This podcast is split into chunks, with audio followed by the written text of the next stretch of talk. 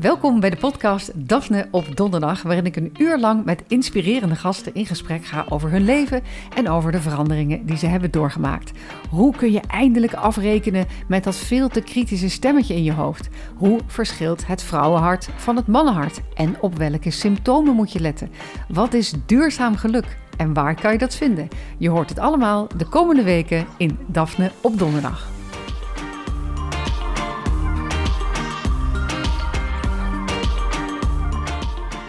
Welkom bij mijn podcast Daphne op donderdag. Ik ben Daphne Dekkers en vandaag is bij mij te gast een vrouw die vaak een cardiofeministe is genoemd, omdat ze decennia lang voor opschudding heeft gezorgd in de cardiologische wereld door onvermoeibaar aandacht te vragen voor het vrouwenhart. Ze begon 20 jaar geleden met een speciaal vrouwenspreekuur en kreeg in 2012 de eerste leerstoel vrouwencardiologie. Maar makkelijk ging het allemaal niet. Ze is nu net met pensioen, maar nog steeds even strijdbaar. Welkom in mijn schrijfhuisje, Angela Maas. Dankjewel, Daphne. Nou, wat leuk dat je er bent. Ja. Is het goed uh, als ik u tutoieer? Ja, natuurlijk, natuurlijk. Okay, ja, ik ja. toch maar even netjes vragen van tevoren. Iemand met zo'n staat van dienst. Want cardiofeministe, dat uh, klinkt een beetje als een geusnaam voor iemand die heel lang op de barricade heeft gestaan. Ja, dat is feitelijk ook zo. Uh, ik ben cardioloog sinds 1988. En helemaal opgeleid uh, naar het model van de mannelijke patiënt. Hè. Dat was uh, waar, waar het om ging feitelijk. En we vonden in de jaren tachtig uh, vonden we vrouwen maar raar met rare klachten. Want die weken zo af van de mannenklachten. Die weken dus af. Er was altijd wat met die vrouwen. En eigenlijk toen ik drie jaar cardioloog was, toen ging het bij mij knagen. Um, dat ik gewoon de goede antwoorden niet had op de vragen van de vrouwen zelf. En er werd op een gegeven moment ook een patiënt die werd boos op mij. Die zei gewoon: Waarom weet u gewoon niet wat ik heb? U zegt maar wat. Hè? Men, patiënten, vrouwen zijn natuurlijk ook veel assertiever geworden de afgelopen tijd. Ja. En dat was toch een soort wake-up call. Waardoor ik dacht: van ja, ik moet me daar gewoon in gaan verdiepen. Want, Want anders... vrouwenhart verdient meer aandacht. Absoluut. ja. ja. Ja. Wat, wat is nou het grote verschil dan tussen het mannenhart en het vrouwenhart? Nou ja, eigenlijk is de benaming vrouwenhart misschien niet, niet helemaal goed. Uh, er zijn eigenlijk verschillen in alle domeinen van het vakgebied cardiologie. Um, ja, ons dagelijks brood is natuurlijk de verkalking van de kransvaten, hè, de veroudering van de bloedvaten van, van de hartspier. Nou, dat gaat um, in een lange levensfase volgens een ander patroon bij vrouwen. Mannen krijgen eerder vernauwingen, dat kunnen we dotteren, opereren. Daar hebben we eigenlijk de afgelopen 40, 45 jaar onze aandacht uh, op gericht. Vrouwen, met name tussen de 40 en de 70, krijgen eerder kramp in die kransvaten. En dat kan je niet dotteren, dat kan je niet opereren. En zijn er dat, ook hele andere symptomen dan, denk ik? Precies. Dus als de onderliggende mechanismen anders zijn, dan krijg je ook andere klachten. Dus, uh, en dat weten we nu, dat wisten we 30 jaar geleden niet, maar het, dat is het voortschrijdend inzicht van de afgelopen decennia geweest nou ja, voortschrijdend inzicht. Uh, je hebt er echt heel erg aan moeten trekken voordat dat inzicht er kwam. Uh, daar gaan we het dit uur ook uitgebreid uh, over hebben. Want ja, hart- en vaatziekten zijn natuurlijk heel lang beschouwd als een typische mannenziekte. Ja, zeker. Uh, en er is zelfs in het verleden, in de jaren 60, uh, is ook wel gedacht van nou, vrouwen zijn beschermd door hun hormonen, die krijgen het niet. Hè? Want uh, we weten in ieder geval tot de overgang dat vrouwen relatief beschermd zijn. En toen is er zelfs ook nog een onderzoek gedaan uh, om mannen oestrogenen te geven, zodat ze geen hart- en vaatziekten meer uh, zouden dat krijgen. Dat ze de bescherming van die vrouwen zouden hebben. Precies, en dat is een zeer geruchtmakend uh, onderzoek geweest. Heeft veel ophef gegeven toen in die tijd. Want het bleek dat die mannen veel vaker doodgingen aan die oestrogenen. Dus het had bij mannen een volkomen averechts effect. Dus zo simpel bleek het uiteindelijk niet te zijn. Dus het is een behoorlijk lange weg geweest om tot de inzichten van nu te komen. Ja. Maar de weg naar uh, verandering in de praktijk, daar zijn we nog niet mee klaar. Nee, dat geloof ik zeker. Want uh, ik las in een interview uh, dat, je, dat je zei... Uh, in de jaren 60 en 70 konden vrouwen een cursus volgen om beter te leren zorgen voor hun man als die herstellende was van een infarct. Ja, ja. Dus dat, dat, er is altijd van de man uitgegaan. De man krijgt een Ja. hartaanval en zijn vrouw gaat dan van... Die, die cursussen bestonden echt? Die bestonden echt ehm, een beetje vanuit de gedachte dat vrouwen te veel eisend waren voor hun man. En dat ze daar die hartaanval van En kregen? dat, precies, dus dat zij misschien wel de schuld waren van het hartinfarct. Dus ze moesten daarna heel goed voor hem zorgen. Ja, en de Hartstichting ging in 1978 ook een campagne doen dat vrouwen beter gingen koken voor hun man, zodat ze die hartinfarcten niet meer zouden krijgen. Is er ooit iemand op het idee gekomen dat vrouwen misschien ook extra verzorging of beter eten of minder stress nodig hadden? Dat heeft nou, echt heel lang later, geduurd. later. En, en dat is iets wat nu ook steeds eh, actueler wordt, omdat we echt gaan zien dat de factor stress. En mannen en vrouwen gaan anders om met stress, hebben ook andere stress. Maar bijvoorbeeld, we zien dat het perfectionisme van vrouwen eh, in, in de tijd van nu, dat dat ook leidt tot een bijzonder type hartinfarct, wat we vooral zien bij jonge vrouwen tussen de 40 en de 60. Het perfectionisme leidt tot een hartinfarct. Ja, en dat is een hartinfarct wat ehm, door een scheur in een kransvat, dus dat is niet het dichtslippen, maar de- er komt ineens een scheur in een kransvat. En we zien dat chronische stress, waarin perfectionisme eh, een onderdeel kan zijn, dat daar een van de belangrijkste eh, oorzaken is van dat type hartinfarcten. Nou vind ik perfectionisme al, al heel snel klinken als iemand die alles per se goed wil hebben. Maar is perfectionisme niet ook wat heel veel vrouwen die en werk hebben en een gezin en het huishouden moeten runnen. En vrouwen willen ook dat alles loopt. Is dat, Ja. is, is dat de vorm van perfectionisme die je bedoelt? Nou, vrouwen willen vooral dat alles heel goed loopt. En natuurlijk is het belangrijk om veel dingen te combineren, maar het hoeft niet allemaal perfect te zijn. Hebben mannen dat niet? Dat ze willen dat het goed nou, loopt? dat hebben vrouwen veel meer. Vrouwen willen alles goed doen en vrouwen denken ook vaak dat men verwacht dat ze alles goed doen. Hè? Dat ze goed koken en weet ik wat allemaal. Waar komt dat intense verantwoordelijkheidsgevoel toch vandaan? Ja, dat is gewoon een maatschappelijk denkpatroon. Ehm, we moeten er perfect uitzien. We moeten ehm, ja, in ons werk goed presteren en, en met die kinderen en weet ik wat. Maar ja, weet je, soms gaat het de ene periode makkelijker dan de andere periode. En laat gewoon varen dat eh, hè, we laten steken vallen. En dat is gewoon prima. Dus de wereld is niet perfect, wij zijn het ook niet. En als je wat makkelijker met dingen omgaat, dan heb je ook minder chronische stress. Meer los durven laten ook. Absoluut, absoluut. Maar vrouwen, ook in mijn omgeving, merken dat hoor. Dan zeggen ze, ja, maar als ik loslaat en ik laat het vallen, dan raapt niemand het op. Nou, dan maar niet. Ja, dat is ook een manier natuurlijk, dan maar niet. Uiteindelijk, ehm, ja, je, je moet, hè, dat, dat, dat gebeurt ook met opvoeden van kinderen, moet je ook dingen loslaten. En op een gegeven moment moeten ze zelf fietsen. Je kan ze niet tot aan de puberteit in zo'n Van die fietsbak, eh, ja, fietsbak neerzetten. Ja, ja, ja. Dus op een gegeven moment moet, er gewoon, moet je loslaten. En, en dat is eigenlijk wel de kern van het leven. Dat je moet leren loslaten. En ook dat je niet alles in de hand kan hebben. Ik was eh, een tijdje geleden bij die eh, toespraak die Obama heeft gehouden in, eh, in de Ziggo Dome. En hij vertelde heel veel verschillende dingen, maar wat me echt bij is gebleven is dat hij zei dat zodra hij president was, kwam hij al snel tot de conclusie dat perfectionisme bestond niet. Hij kreeg het nooit perfect. Alles wat hij wou, acht jaar lang, Oh, hij kreeg nooit alles wat hij wou.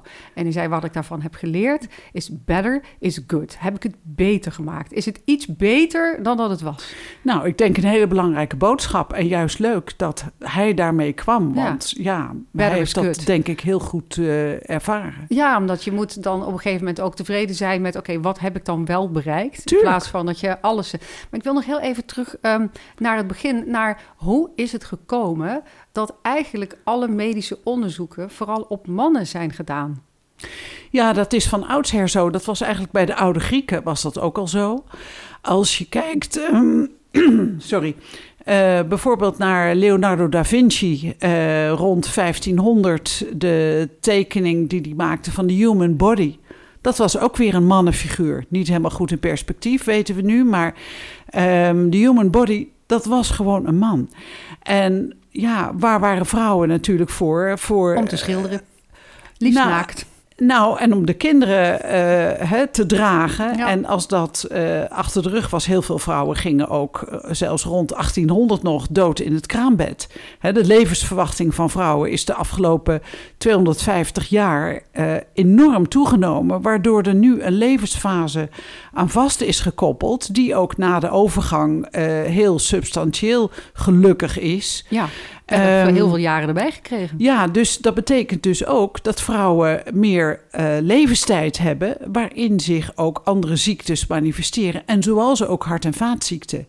Hè, dus dus eh, hart- en vaatziekten kwamen eeuwen geleden ook vooral bij mannen voor omdat vrouwen niet zo oud werden. En heel veel mannen werden ook niet oud. Maar die kregen al wel die hart- en vaatziekten. Want het begint wat eerder bij mannen. Dus het is een soort inhaalslag wat de vrouwen gedaan hebben op het gebied van hart- en vaatziekten, helaas. Ehm, ja, in zekere zin wel, omdat er ook natuurlijk nu andere risicofactoren zijn. Hè. Iedere samenleving heeft zijn eigen risicofactoren. Ook de voeding is natuurlijk veranderd. Ehm, ja, dat is natuurlijk in zekere zin van alle tijden, maar iedere tijdsperiode heeft daarin ook wel weer andere accenten. Maar is het ook zo geweest dat eh, die onderzoeken ook op mannen werden gedaan, omdat vrouwen natuurlijk die hormoonfluctuaties in de maand Precies. hebben en dat ze dat En, eh, ingewikkeld vonden met de uitslagen en pro- Zeker, want dat fluctueert dan steeds. En dat was natuurlijk al heel eh, het voorbeeld met, met dierexperimenten. Hè. De, de vier, veel experimenten met, met ratten en muizen werden altijd gedaan bij mannetjesmuizen. Omdat vrouwen dan een cyclus hebben van een paar dagen en dan komen alle gegevens in de war. Er is natuurlijk ook eh, in de eind jaren 50, begin jaren 60 het softenon-probleem geweest Ja, dat als er medicatie aan vrouwen eh, werd gegeven die per ongeluk zwanger waren, eh, dat er dan ernstige afwijkingen kwamen. Dus het is ook een tijd verboden geweest om onderzoek bij vrouwen te doen. Nou, dat is in de afgelopen decennia is dat natuurlijk allemaal veranderd. En sinds een jaar of tien is het nu zo, bij, ook bij de, de alle grote eh, health agencies, dat het verplicht is als je onderzoek doet bij eh, dieren of bij proefpersonen of patiënten, dat je aangeeft eh, waarom je deze doelgroep hebt. Dus als je alleen bij mannen onderzoek doet, dan kan je dat doen, maar je moet uitleggen waarom je alleen bij mannen onderzoek doet. ja. En als je dat niet doet, dan krijg je A, geen geld voor onderzoek en je onderzoek wordt niet gepubliceerd. Dus je hebt er niks aan. Nou ja, het is natuurlijk ook. eh, ik begrijp waarom dat dan vroeger was. Ten eerste was de man natuurlijk het enige waar het om ging. En de vrouw was een soort miniman die half meedeed. Ehm, en dan dus die hormoonfluctuaties. Maar hoe kan je dan daar de conclusie aan verbinden dat die medicatie die je dus hebt getest op mannen of mannelijke proefdieren, dus dan ook voor vrouwen werken? Nou ja, dat is dus heel lang zo gedaan. Eh, omdat men ervan uitging eh, dat ja, een vrouw is ook een mens. Dus nou ja, dan zal het wel hetzelfde zijn. En al gaandeweg, en dat zie je natuurlijk toch ook eh, met, met de vele soorten medicatie die gekomen zijn. Bijvoorbeeld ook die cholesteroltabletten, statines. Mhm. Het is gewoon echt zo dat vrouwen veel meer bijwerkingen hebben. En dat ehm, ja, ehm, de grote statinestudies, ook de eerste die uitkwam, de 4S-studie, daar zaten 6000 mannen in en 400 vrouwen. Dus er kon helemaal geen uitspraak gedaan worden eh, over vrouwen. En eh, toen werd er aanvankelijk ook gedacht van ja, die statines die werken niet bij vrouwen. Maar nu zie je toch dat je meer eh, op het individu moet kijken. Hè? Dus, dus individualized medicine, dat is toch wel een beetje de geneeskunde van nu. Ja, En je moet ook als dokter, hè, want we hebben ons een beetje vastgepind in allerlei richtlijnen, maar die zijn niet in beton gegoten. Je moet ook per patiënt ook een beetje kijken naar het individu. ja. En- want ik las van jou dat je zei: eh, stereotyp denken is gevaarlijk voor goede zorg. Absoluut, absoluut. Hè. Dus er zijn bijvoorbeeld vrouwen met bijwerkingen van statines, als ze dat iedere dag nemen, van cholesterolverlagers. Er is ook stijve spieren van, een pijn in de knieën hoor ik van Zeker. vriendinnen van mij die dat slikken. Dat kan, maar je kan ook als dokter creatief zijn en zeggen van nou weet je wat, als er iedere dag een probleem is, laten we het dan drie keer in de week doen. En dat is misschien niet optimaal, maar het is beter dan niks. Ja. Dus je kan ook als arts gewoon je creativiteit gebruiken om toch de patiënt zo goed mogelijk te bedienen. Ja. Ehm, ik las ook dat ehm, juist omdat we vrouwen zijn, dat er ook andere eh, wegen naar een hartaanval zijn. Bijvoorbeeld eh, als je een hele hoge bloeddruk hebt gehad tijdens je zwangerschap. Ja. Dat, dat is een, een, ja, een risicofactor om Ja, later we- last we- van je hart... Wat, is de, de We- connectie We, noemen dat eigenlijk vrouwspecifieke risicofactoren, die Ja. gewoon te maken hebben met eh, zwangerschap, maar ook bijvoorbeeld met hormonale eh, veranderingen. Bijvoorbeeld een vroege natuurlijke overgang. Dus als je voor je veertigste in de overgang komt, dan heb je ook een hoger risico om hart- en vaatziekten te krijgen. Maar vrouwen die een hoge bloeddruk hebben gehad in de zwangerschap, dat zijn vrouwen die ook al op jongere leeftijd hoge bloeddruk krijgen. En hoe erger het probleem was in de zwangerschap, dus als het echt een zwangerschapsvergiftiging was, dan heeft bijna de helft van de vrouwen op de leeftijd van 40 al hoge bloeddruk. Maar dat staat niet in onze risicokaarten. Dus ehm, dat, Dat, wordt eigenlijk... eigenlijk. er eigenlijk niet bij ook. Nee, dat wordt gewoon nog niet goed meegenomen in de risico-inschatting. juist bij vrouwen op middelbare leeftijd. Want we weten dat preventie moet dan beginnen en niet als je 70-plusser bent. Ja, Dus dat zijn vrouwen die vaak als veertiger hoge bloeddruk hebben. Nou, dan wordt er gezegd van ja, maar je hebt een baan, je hebt een gezin en je moet het wat rustiger aan doen. Nou, dat kan natuurlijk niet op die leeftijd. Maar die hebben vaak al heel serieuze hoge bloeddruk, die gewoon niet serieus behandeld wordt. En als je kijkt naar wat is de meest dodelijke risicofactor bij vrouwen wereldwijd, dan is dat hoge bloeddruk. ja, ja, ik word er ook een beetje stil van. Want ik realiseer me dat een, eh, een vriendin van mij is een aantal jaar geleden overleden aan een acute hartstilstand. En die, eh, wij waren samen zwanger en zij had ook die zwangerschapsvergiftiging Nou. en die hoge bloeddruk en de kortademigheid. En ze zou een hartfilmpje gaan maken, maar op een gegeven moment, ja, toen was het dus helaas al eh, te laat. Afschuwelijk. Dus Ja. ze was jong. Ja, dus eh, eh, ehm, ja, ook ja. Dus ik, ehm, ik zit daar wel bij te denken dat er zijn best wel wat vrouwen die in de zwangerschap die hoge bloeddruk hebben en die zwangerschapsvergiftiging krijgen. Zou je die dan niet al daarop attent moeten maken van, Ja. weet je wel, je bent nu in die zwangerschapswolk bezig, maar bedenk Ja. dat dit niet goed is voor Ja. je hart. Zeker. Het is niet leuk om jonge moeders vast angstig te maken, maar je kan ze wel Bewust goed- maken, goed toch? bewust maken, goed Ja. advies geven. Is ook een taak van huisartsen. En er komt nu, eh, die is bijna klaar, een richtlijn met gynaecologen, cardiologen en met huisartsen om met deze vrouwen beter eh, om te gaan. Ik heb ze altijd aangeraden om ook zelf een bloeddrukmeter te kopen. Mhm. Je staat ook af en toe op de weegschaal, dus je kan ook af en toe je bloeddruk meten. Kan je, je kan een meter delen met je zus, met vriendinnen enzovoort. Ja, ik heb er nog een hele campagne voor gevoerd met de Hartstichting samen. Nou, van koop precies. een bloeddrukmeter. Daar, Precies. daar heb je altijd wat aan. Het is een heel, heel simpel en ga dat vooral niet de hele dag doen. Maar eh, zeker als hoge bloeddruk in je familie zit, dan ben je toch wel een kanshebber. Zeker als je de 50 overgaat, om gewoon hoge bloeddruk te krijgen. En je kan er 100 mee worden, maar zorg wel dat je het op tijd weet en dat je het op tijd gaat behandelen. Ja, dat zijn toch dingen die we eigenlijk meer zouden moeten weten. Hè, als ja, en het is ook. gewoon heel gewoon. En, en het is niet. Hè, mm, vaak toch zijn huisartsen bang dat ze dat er ook weer bij krijgen. Maar vrouwen zelf kunnen heel goed helpen om op tijd eh, een probleem aan te dragen. Je kan die metingen in je iPhone of in je smartphone zetten. En dan een keer gewoon naar de assistenten gaan en zeggen: van goh, moet je nou zien mijn bloeddrukmetingen. En dan op een gegeven moment wordt er gewoon eh, goed besloten om daar toch iets voor te gaan gebruiken. En er is zoveel keus aan medicijnen met weinig of geen bijwerking voor Ja. de bloeddruk. Ik slik al 15 jaar pillen voor hoge bloeddruk. Oh ja? Ja, Dus misschien is een bloeddrukmeter wel zinvoller vanaf een bepaalde leeftijd om in huis te hebben dan een weegschaal of zo. nou zeker. Ja, Want je kan op een gegeven moment in de spiegel ook wel zien dat je te dik bent. Maar, in de bloeddruk- spiegel kan je je bloeddruk kan je niet bloeddruk zien. niet zien. En eh, wat, wat eh, is de connectie tussen eh, de menopauze, tussen de overgang en je hart? Nou, dat is heel complex. De overgang is natuurlijk niet een moment van de een op de andere dag. Want eigenlijk de verandering in oestrogene hormonen begint al na je dertigste. Ja, het begint al heel vroeg. begint al heel vroeg. Dus die aanloop is misschien wel 20 jaar. Eh, want als we 40 zijn, zijn we al veel minder vruchtbaar. Dus Ja. dan zijn die oestrogene hormonen al aan het zakken. Ja, En als ze heel laag zijn, dan houdt ook de menstruatie op. Dus Ja. dan zijn we gemiddeld rond de 50 jaar. ik was 43. Ja, Dat nou was- dat kan, dat kan. Er, Er is natuurlijk veel- een er zit heel spreiding. veel rek in, ja. Er zit heel veel rek in en eh, dat is op zich eh, ook niet erg. Ehm, maar belangrijk is, is bijvoorbeeld ook als je kijkt naar de cholesterolwaarde.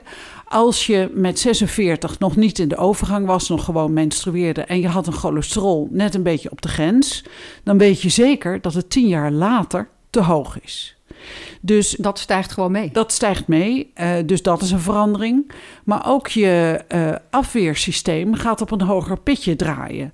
Dus je ziet ook dat ziektes zoals eh, ehm, eh, ja, reumatische klachten, spierreuma, schildklierproblemen, allemaal dat soort dingen. Dat, zijn, dat komt ook veel vaker voor bij vrouwen dan bij mannen.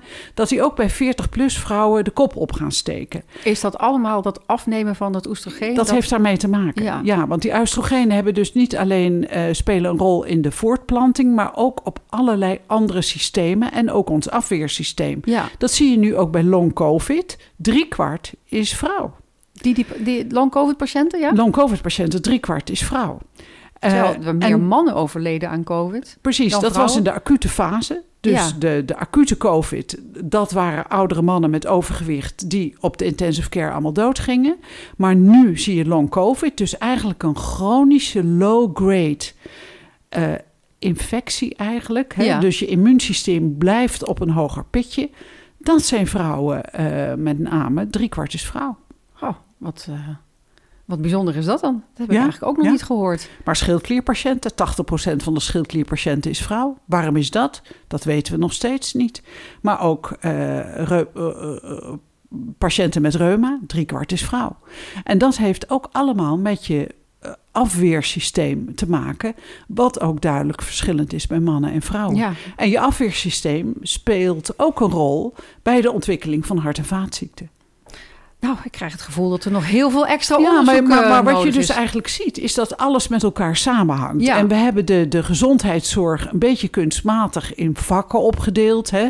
In, in allerlei deelspecialismen, die te weinig met elkaar communiceren. En ik vind echt dat de innovatie in de gezondheidszorg ligt op die kruising van wegen. Zeker. Dus zo was ik vorige week weer naar een gynaecologencongres over de overgang. En daar leer ik heel veel. Juist om, om naar de andere vakgebieden, om over de schutting te kijken. Nou ja, het is een beetje als je in het ziekenhuis terechtkomt, dan heb je al die bordjes. Eh, hart is linksaf, eh, darmen is rechtsaf, maag is rechtdoor. Ja. Voor de ogen moet je hierheen, de hersenen zijn boven, het zenuwstelsel. Maar eigenlijk is een mens natuurlijk een geheel. En die gehelen, Absoluut. die werken allemaal samen. En als je ergens aan één dominosteen trekt, kan ik me voorstellen dat de rest meegaat. Zo is het. En eh, je ziet dus ook, we moeten kijken naar de levensloop van mensen, die verschillend is. Nog een keer terug naar eh, de vrouwen. Bijvoorbeeld, jij noemde zwangerschaps hoge bloeddruk. Maar ook vrouwen die sinds hun puberteit veel migraineklachten hebben. Ook dat zijn klanten die een hoger risico hebben op hart- en vaatziekten, met name na de overgang. Oh ja? Want dan gaat die migraine vaak over. Maar dan begint bijvoorbeeld vaatkramp in de haarvaatjes van de hartspier. Nou, ik moet zeggen dat eh, ik heb veel boeken gelezen eh, over de overgang. Ook omdat ik zelf een boek ga schrijven over de kracht van, eh, van ouder worden. En een van de voordelen van de overgang die steeds wordt genoemd... is dat vrouwen die migraine hadden, die zijn er vanaf. Joehoe, maar nu hoor ik dus dat ze zijn wel van de hoofdpijn af... maar ze krijgen er iets anders voor terug. Ja, het lijkt soms wel, eh, heb ik eh, in mijn praktijk ervaren, alsof die migraine van het hoofd afzakt naar het hart. Want die vaatkramp, die veel van die vrouw, migrainevrouwen krijgen op middelbare leeftijd, Ja, eh, dat is ook een, een vaatprobleem. ja, Ehm, en dat is natuurlijk niet letterlijk zo dat het afzakt, maar het probleem gaat zich elders manifesteren. Eh, en dat is toch wel een dingetje wat gewoon heel belangrijk is in de levensloop van vrouwen. En wij als dokters, als cardiologen ook moeten daar alert op, fijn, ja. op zijn. We moeten daarnaar vragen. Want het helpt ons om bij die vijftigers de hoog- en laag risico vrouwen uit elkaar te halen. Ja, ja. Ehm, in 2019 heb je een boek gepubliceerd, eh, Hart voor Vrouwen. Je hebt het net voor me meegenomen. En daar vertel je dus in over al deze, deze risicofactoren op een eh, hartinfarct eh, bij vrouwen, maar ook over een falende hartspier en versleten hartkleppen. En faalt de vrouwelijke hartspier ook op een andere manier dan de mannelijke hartspier? Ja, er zijn ook hier weer belangrijke accentverschillen. Uh, je ziet dat uh, het gros van het hartfalen bij vrouwen, meer dan uh, de helft, is hartfalen door het stugger en stijver worden van de hartspier. Mm -hmm. Terwijl bij mannen de hartspier slapper wordt. Dat kan bij vrouwen natuurlijk ook gebeuren als je hartschade hebt gehad. Maar bij vrouwen ligt het accent anders. En uh, die stijve, stugge hartspier, zoals we dat bij 70-plus vrouwen veel zien. Een van de belangrijkste oorzaken is hier ook weer hoge bloeddruk. Uh, daar hebben we eigenlijk nog niet of nauwelijks goede medicijnen voor. Oh. En eigenlijk zien we dat als die hartspier eenmaal stijf en stug is, dat daar weinig aan te doen is. Dus dat. dat betekent dat je twintig jaar daarvoor, dus bij de vijftigers, moet je Ja, gaan handelen. Daar had je moeten ingrijpen. Daar had je moeten ingrijpen. Ja, maar dan moet je wel weten dat het verschil er is. Ja, maar de, een van de belangrijkste oorzaken van zo'n hartspier is dus ook weer hoge bloeddruk. Nou, die kan je gewoon bij vijftigers behandelen. Ja, hoge bloeddruk is wel een terugkerend thema. Ik ga echt meteen een- eh, mijn een- eigen bloeddruk eh, testen. Het is een heel groot ding, Ik ben echt helemaal waar. getriggerd inderdaad. Wat ik ook wel interessant vond, is dat je schrijft eh, over het gebroken hart. Ja. Bestaat dat, het gebroken hart? Absoluut. Eh, het gebroken hartsyndroom is eigenlijk een hartinfarct na een plotse, hevige, stressvolle gebeurtenis. Komt ook bij mannen voor, eh, maar als je kijkt naar de grote studies, dan is 85% is vrouw. Eh, minderheid is man. En dat zijn vooral vrouwen boven de 60. Dus het zijn vrouwen na de overgang. Terwijl wat ik eerder noemde, een scheur in een kransvat, een hartinfarct eh, bij vrouwen tussen de 40 en de 60, dat zijn weer jongere vrouwen. Dat is meer chronische stress. Ja, Maar het gebroken hartsyndroom, dus een plotselinge heftige gebeurtenis, denk dat je hoort eh, dat je man is overleden, dat een kind is overleden, zoiets vreselijks. En dan ben je zo overmand door emotie dat je op dat moment een hartinfarct krijgt. En ehm, dat bestaat dus echt. dat bestaat echt. En er is bijvoorbeeld ook een mooi voorbeeld van een, een, een ouder echtpaar wat thuis komt en dan blijkt er ingebroken te zijn. En op dat moment krijgt die vrouw krijgt een hartinfarct. Die man gaat handelen, die gaat de verzekering bellen en zo. Eh, maar die vrouw die krijgt gewoon een hartinfarct. Want ze reageren dus anders op, op ja, dit is ook een stressvolle situatie. Ja, Er is ook zoiets als het happy heart syndroom. Als je plotseling hoort dat je 100 miljoen in de staatsloterij hebt gewonnen. Maar dat komt niet zo vaak voor. nee. Die 100 miljoen niet. En het happy, de happy hartaanval. Maar Ja. dat is toch ook wat? Is dat ook waar, waarom mensen ook wel eens eh, tijdens de seks eh, komen te overlijden? Is dat ook een happy hartaanval? Nou, nee, want er wordt natuurlijk. eh, Gelukkig, eh, zoveel seks ehm, is er. eh, Die goed. Laten we vooral niet bang zijn dat we daar een hartaanval Dat we daar een van hartaanval krijgen. van krijgen. Eh, in 2019 eh, ben je door Opzij uitgeroepen tot de meest invloedrijke vrouw van het jaar. En je hebt ook al eens een, een hoge onderscheidingen voor al je baanbrekende werken gekregen. Je bent officier in de Orde van Oranje Nassau. Maar, kan ik wel zeggen, dat heb je allemaal geen sinds cadeau gekregen. Je bent 35 jaar geleden begonnen. En eh, toen werd er eigenlijk door je mannelijke collega's eh, toch nog wel ja, behoorlijk denigrerend gedaan over vrouwelijke artsen. Ja, zeker. Over vrouwelijke artsen en zeker over eh, cardiologen die zich eh, meer gingen interesseren voor de vrouwelijke hartpatiënt.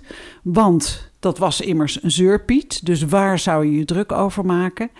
En dat zie je toch een beetje inherent aan bepaalde beroepsculturen, wat helaas ook nog wel verknocht is aan de cardiologie.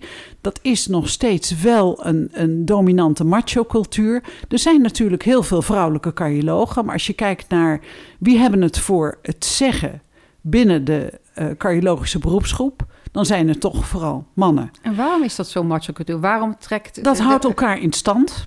Ehm, er zit natuurlijk ook eh, in, ja, toch wel een beetje eh, technologie. Dat, hè, het, het is een vrij technisch vak ook. Hè, het dotteren, eh, beslissen over leven en dood. Ehm, ja, het, Trekt het een bepaald soort mannen aan? ja, het betrekt zeker. Maar het, het trekt soms ook een bepaald soort stoere vrouwen aan. die ook niks willen weten van cardiologie voor vrouwen. Dus er is al een beetje een selectie aan de poort.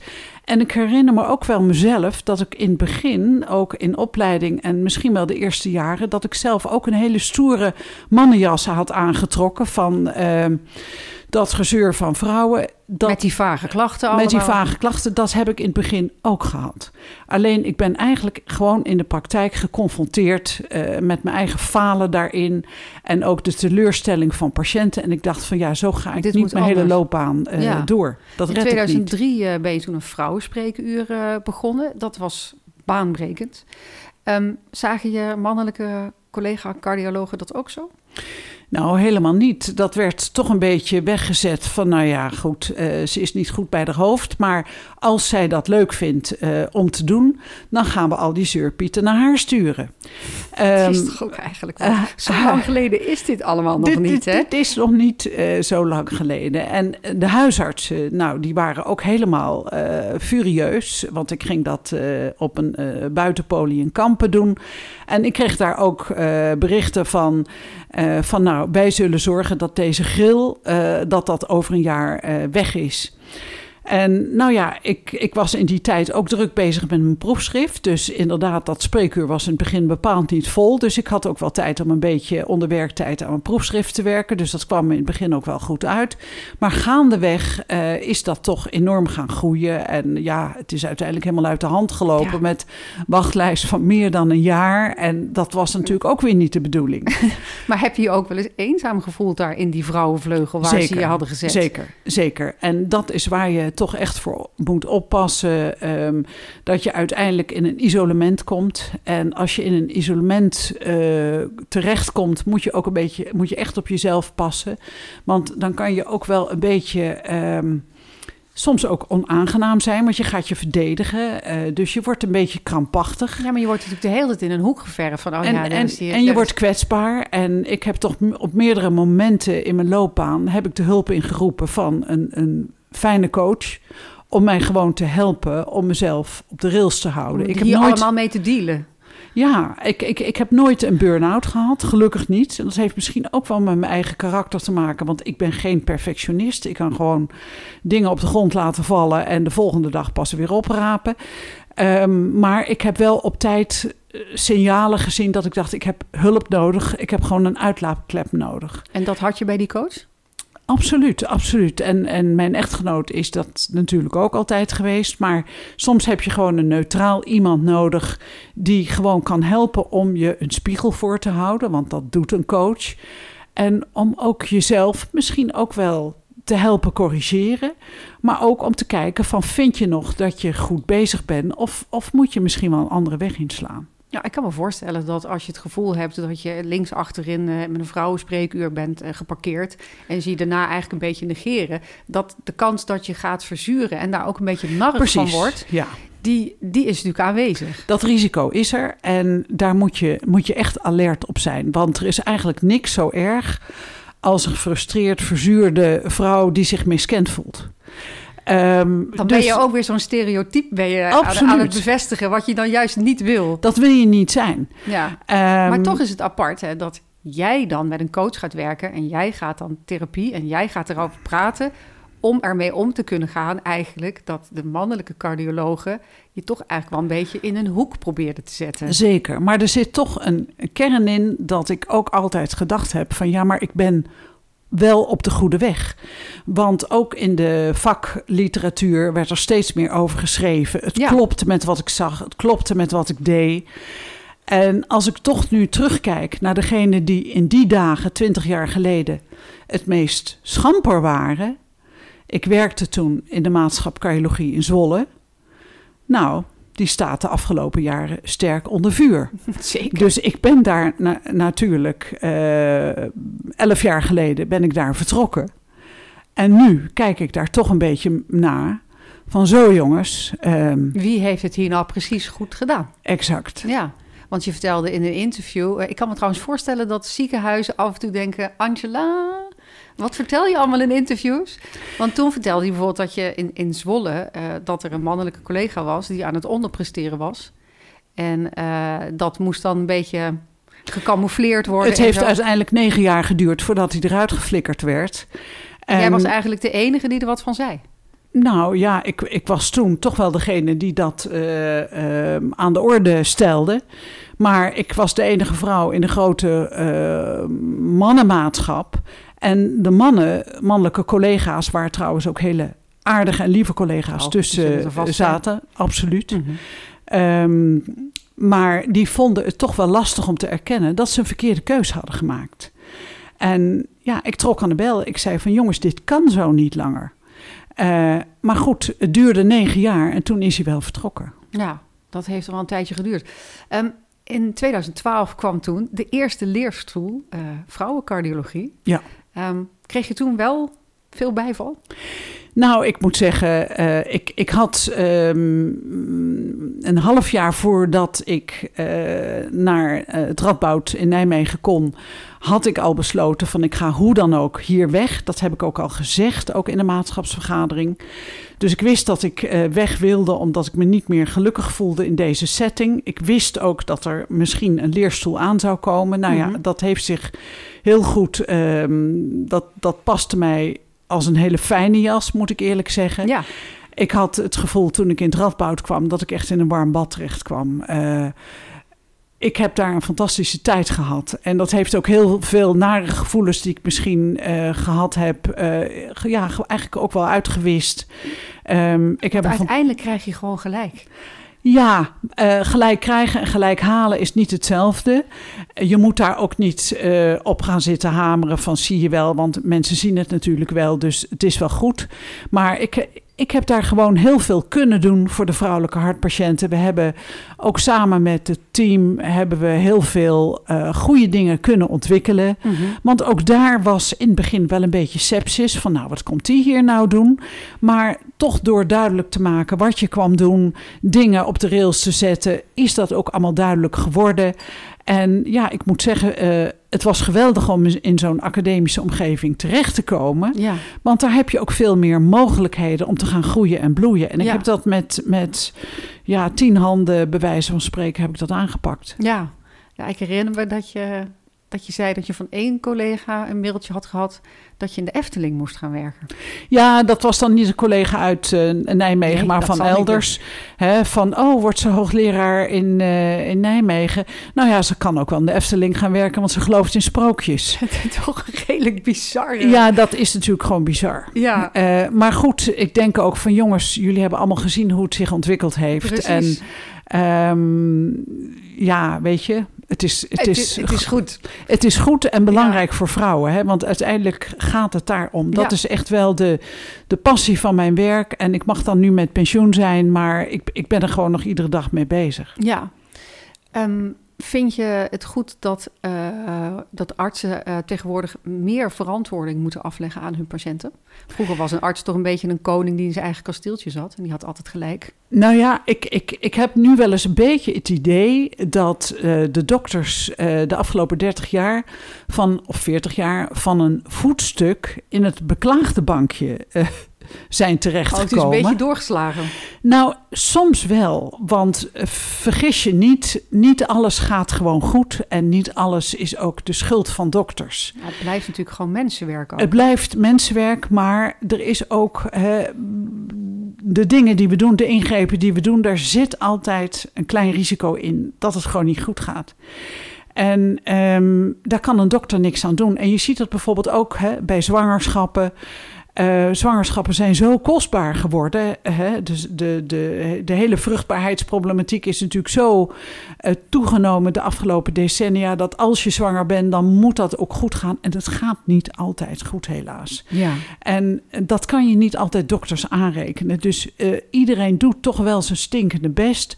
Maar je ziet toch wel dat er behoorlijk defensieve geneeskunde is gekomen. Dat artsen echt een beetje wel in de verdediging zijn geschoten.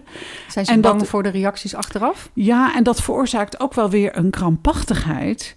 die misschien ook wel weer kan leiden tot fouten en problemen. Wij moeten als dokters niet krampachtig worden. We moeten proberen gewoon de gewone risico's die er zijn te blijven nemen. Te durven en behandelen ook. Te durven behandelen. En als wij krampachtig worden, en dat zie ik ook wel een beetje aan de jongere generatie... Um, dat die vrij krampachtig is. En natuurlijk in het begin ben je bang om fouten te maken, maar dat moet je op een gegeven moment ook een beetje loslaten. Eh, wat heel belangrijk is, is gewoon openheid. Dus er gaan dingen gewoon niet altijd goed. Ehm, natuurlijk ben ik ook door patiënten op mijn vingers getikt, maar ik heb vaak ook zelf tegen patiënten gezegd van, goh, ik denk toch dat we het misschien beter anders hadden kunnen doen. En dat eigenlijk tot in het laatste jaar dat ik gewerkt heb. Um, ja, heb ik dat ook met patiënten besproken. Vinden en, patiënten dat fijn om te horen? En dat vinden ze fijn. Dan is er niks aan de hand. Dat je niet uh, gaat liegen, dat je het gewoon eerlijk zegt. Nou ja, of, of het is niet altijd liegen, maar het is in een verkramping schieten. Gewoon de angst die je hebt om fouten te maken. Maar joh, soms, weet je, er zijn meer wegen naar Rome. Soms heb je toch net de verkeerde afslag genomen. Daar kan je het met elkaar over hebben. En heel veel dingen die gebeuren, die kan je ook met elkaar weer in goede banen leiden. het dus is het is ook een niet... heel ander werk als arts, hè? want het gaat over leven en dood in sommige gevallen. Kijk, uh, ik heb... Maar heel vaak gaat het daar ook niet nee, over. Nee, dat is waar. Maar ja, ik schrijf columns en boeken en, en, soms zit er wel eens een column tussen die misschien iets minder gelukt is. Maar als een uh, open hartoperatie misschien uh, iets minder gelukt is, dan heb je echt problemen dan kan je pro zeker problemen hebben, maar het is ook wel onderdeel van je vak. Helaas is dat zo. Ja. Niet iedere operatie gaat per definitie goed. En er kunnen complicaties zijn. En mensen dat, zijn geen robots ook natuurlijk. Mensen zijn geen robots. En soms uh, rol je van het ene probleem in het andere. En dat is onfortuinlijk, maar het kan gebeuren. Ik heb het bij mijn eigen vader uh, gezien. Die heeft een, uh, een open hartoperatie gehad die heel goed is gelukt. Maar door die operatie kreeg hij een delier. En ja. door dat delier werd zijn dementie versneld. En uiteindelijk is hij eigenlijk nooit meer thuisgekomen, uh, omdat hij niet meer thuis kon wonen. Dus dan, ja, wiens schuld is dat? Niemands schuld. Nee, maar het is natuurlijk wel heel verdrietig, ja, zo'n zo escalatie van problemen. Ja. Maar dan zie je natuurlijk toch dat heel vaak problemen niet op zich staan. Dus hij had die open hartoperatie, maar hij had waarschijnlijk ook al wat problemen in zijn hersenen. Ja. En dat heeft elkaar versterkt. Ja. En zo zie je hoe belangrijk het is ook dat verschillende vakgebieden nou met elkaar samenwerken. Want dat is dus op een akelige manier is dat, uh, heeft het zich versterkt. Ja. Um, Inmiddels heb je ook een leerboek uh, geschreven, de Manual of Gynecardology. Oh, ja, we zijn nu met het. Ik vind het een heel deel, moeilijk woord. Gynecardiology. Ja, dat is een beetje een, een samensmelting tussen gynaecologie en cardiologie. Dat woord heeft het internationaal niet goed uh, gedaan. Dus als je dat googelt, kom je gewoon alleen maar bij mij uit. um, maar, Want je had het zelf gelanceerd, het woord. Ik dacht, ik had het bedacht en ik dacht, vond het wel leuk. Maar daar is iedereen toch wel een beetje over gestruikeld. Nou, dat is dan misschien zoiets wat ik zelf niet zo gelukkig heb gedaan. We zijn, ik ben nu bezig met een, uh, uh, een Noorse vrouwelijke collega om het volgende deel uit te brengen. Want er is toch wel veel voortschrijdend inzicht. Mm -hmm. Dus begin volgend jaar komt uh, de Handbook Cardiology in Women. Dus we noemen het nu anders. Uh, maar ook met heel veel nieuwe inzichten uit. En dat is vooral ook echt een leerboek voor professionals. Ja, want um, ik denk dat de professionals dat heel goed kunnen gebruiken, zo'n leerboek. Uh, ik las dat er inmiddels meer vrouwen dan mannen sterven aan hartklachten. En dat Ja. wereldwijd hartkwalen zelfs doodsoorzaak één zijn bij vrouwen. Ja, ja. We hebben het al over een aantal redenen gehad. Ja. Uh, alles moet perfect. Uh, de, de negatieve stress. Ja, maar er zijn natuurlijk heel veel factoren. Um, zeker ook uh, sociaal-economische factoren. Laten we dat niet onderschatten. Wat bedoel je? Uh, nou, eigenlijk een van onze grootste risicofactoren voor een slechte gezondheid uh, met het klimmen der jaren is armoede. Oh ja? En er zijn natuurlijk veel meer alleenstaande vrouwen of met kinderen met een laag inkomen. Kijk ook naar opkomende landen zoals in Afrika, zoals in Azië.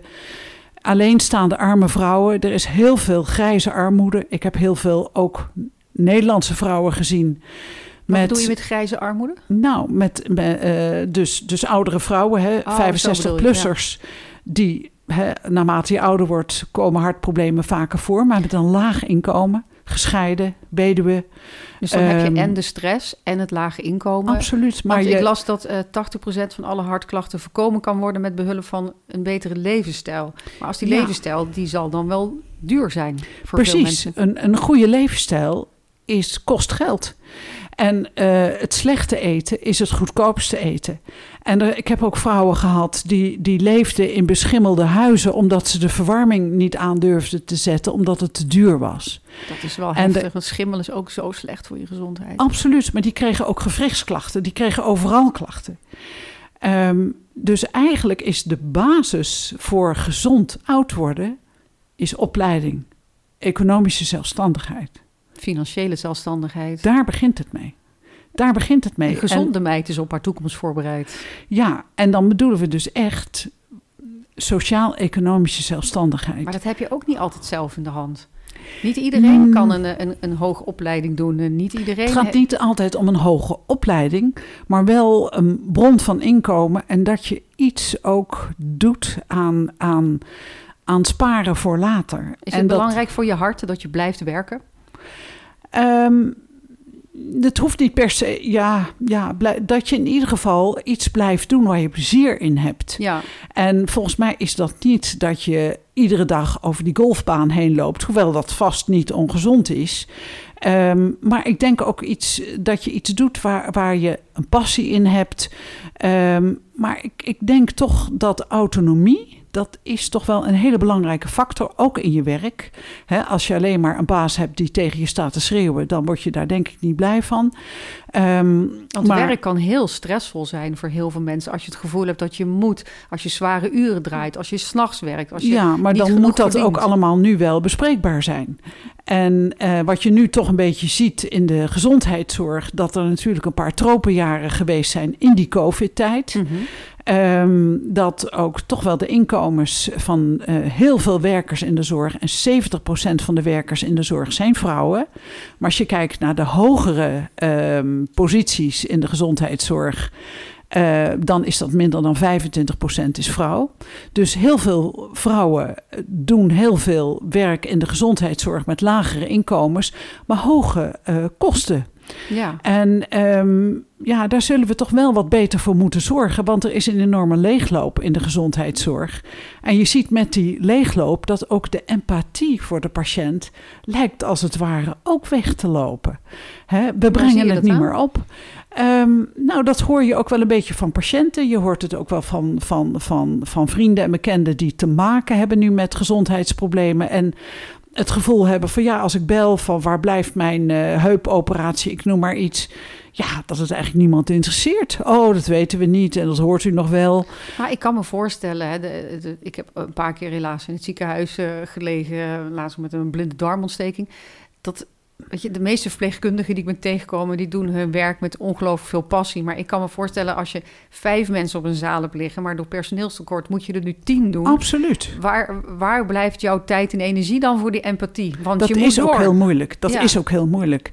En, en ja, het is natuurlijk ook gek. Het is inderdaad heel confronterend om zelf een keer in het ziekenhuis te komen, wat jij zegt. wat dat betreft iedereen aanraden om het eens van dichtbij mee te maken. Ja, en ik moet zeggen, ik heb zelf ook een keer met een gebroken schouder in het uh, ziekenhuis gelegen. En ja, waar ik het meeste blij om was, was uiteindelijk toch een lieve zuster die s'nachts even met de po kwam uh, wegens hoge nood. Um, en ja, of die dokter nou de volgende dag langs mijn bed kwam, dat interesseerde me eigenlijk veel minder. Uh, dus waar het maar de uit... dokter kreeg je de empathie ook niet van. Het zijn vaak de verpleegkundigen die Absoluut. vragen hoe het met je gaat. Absoluut. En, uh, ja. Dus daar moeten we ook veel beter voor zorgen. Um, die moeten we veel beter gaan waarderen, maar die moeten we ook carrièreperspectief geven. En je kan niet verwachten dat uh, iemand in zijn werk 35 jaar hetzelfde wil doen. Dus je wil ook een beetje afwisseling in je hele loopbaan hebben. Dan hou je het ook vol. En als je het volhoudt, bouw je ook wat meer economische zelfstandigheid op. In welk beroep dan ook. En ook een beetje pensioen, want dat is belangrijk. Pensioen is heel belangrijk, ja. Um, welke symptomen uh, moet je als vrouw nooit negeren? Nou, ik denk als je pijn op de borst hebt, uh, maar ook als je bijvoorbeeld kortademigheid hebt, klachten van luchttekort bij inspanningen, dat je dat eerder niet had. Bijvoorbeeld dat je drie weken geleden nog makkelijk de trap op kon en ineens denk je van hemel, uh, het kost me moeite. Dus dat er een soort knik zit in mm -hmm. je conditie, dat ja. is echt wel een teken. Dat is echt een aanwijzing. Dat is reden om naar een dokter te gaan. Want ik herinner me van vroeger, mijn vader heeft ook een hartaanval gehad. Dan, dan pijn tussen je schouderbladen, pijn in je rechterarm en dat soort dingen. Ja, maar bijvoorbeeld pijn tussen de schouderbladen is ook, zeker bij vrouwen, een heel belangrijk symptoom van hoge bloeddruk. Oh ja? Heel veel vrouwen met hoge bloeddruk die zeggen ook van ja, het lijkt wel alsof ik, uh, als ik s'avonds uit mijn werk kom, dan doe ik als eerste die BH uit. Het lijkt wel alsof die te strak zit. Maar dat is niet die BH. Nee, dat is hoge bloeddruk. Jeetje. Want dat zeggen heel veel vrouwen. Uit met die BH, want hij zit zo strak. Ja, nou, ik zou zeggen, koop een bloeddrukmeter. Ja, daar is hij toch weer. De bloeddrukmeter. Daar is hij weer. Ja. Um, hoe is het met je eigen hart? Nou, ik heb hoge bloeddruk dus al 15 jaar. En ja, verder laat ik eigenlijk niks controleren. Behalve dan dat ik, laten we zeggen, eens in de drie maanden meet ik mijn bloeddruk. En uh, ja, heel slecht, maar ik behandel hem zelf. Dat zou niet moeten, maar ik ja, hou maar hem als lekker... jij jezelf niet kan behandelen, wie kan dan wel Ik hou hem lekker laag. Ja. Dus, dus ja, ik heb een bovendruk van 110. En daar voel ik me heel prettig blij. Oké. Want dat is... Dat, nou, is, dat is een beetje aan de lage kant, maar... Um, maar dat is wat je eerder zei. Ieder mens is anders, waar hij zich prettig ja, bij voelt. ik, ik voel me daar heel prettig bij. En uh, ik heb wel eens een pil een beetje geminderd... om eens even uit te proberen. En dan zat ik op de 135 bovendruk. En dan voelde, het toch minder, voelde ik me wat meer opgefokt. En dan dacht ik van nou, ik ga toch die pil er weer bij nemen, want dat voelt prettiger. Ja, nou, als ik iets aan dit gesprek heb overgehouden, is het de bloeddrukmeter. Die moeten we allemaal in Ja. huis gaan halen. Ik eh, krijg eh, niet echt een heel gepensioneerd gevoel van jou. Volgens mij heb je nog heel veel energie en wil je nog heel nee, veel maar gaan ik, doen. ik denk dat ook het allerslechtste is voor mensen die met pensioen gaan. Is achter de geraniums gaan zitten. Want waar ga je dan op zitten wachten? Tot op het einde of zo. Nee, dus ik denk dat ik nog. ehm, nou, ik heb heel veel plezier in, in het werk wat ik doe. Ik zit, zit in veel adviesraden. Ik eh, eh, zit veel commissies ook om, om subsidies te beoordelen. Ik zit in de raad van toezicht van een ziekenhuis. Ehm, ja, ik, ik vind dat al. En, en ik ben natuurlijk met twee boeken ben ik eh, nog bezig. Dus ehm, ik probeer mezelf een beetje van de straat en, en van de golfbaan te houden, moet ik eerlijk zeggen. golfbaan. van, van hard werken naar met je hard werken. Nou, eigenlijk dat, ja. Dankjewel. Je luisterde naar Daphne op donderdag in gesprek met cardiologe Angela Maas. Haar laatste boek Hart voor Vrouwen, met daarin veel belangrijke informatie over de gezondheid van het vrouwenhart, is overal verkrijgbaar. Bedankt voor het luisteren en tot volgende week bij een nieuwe aflevering van Daphne op donderdag.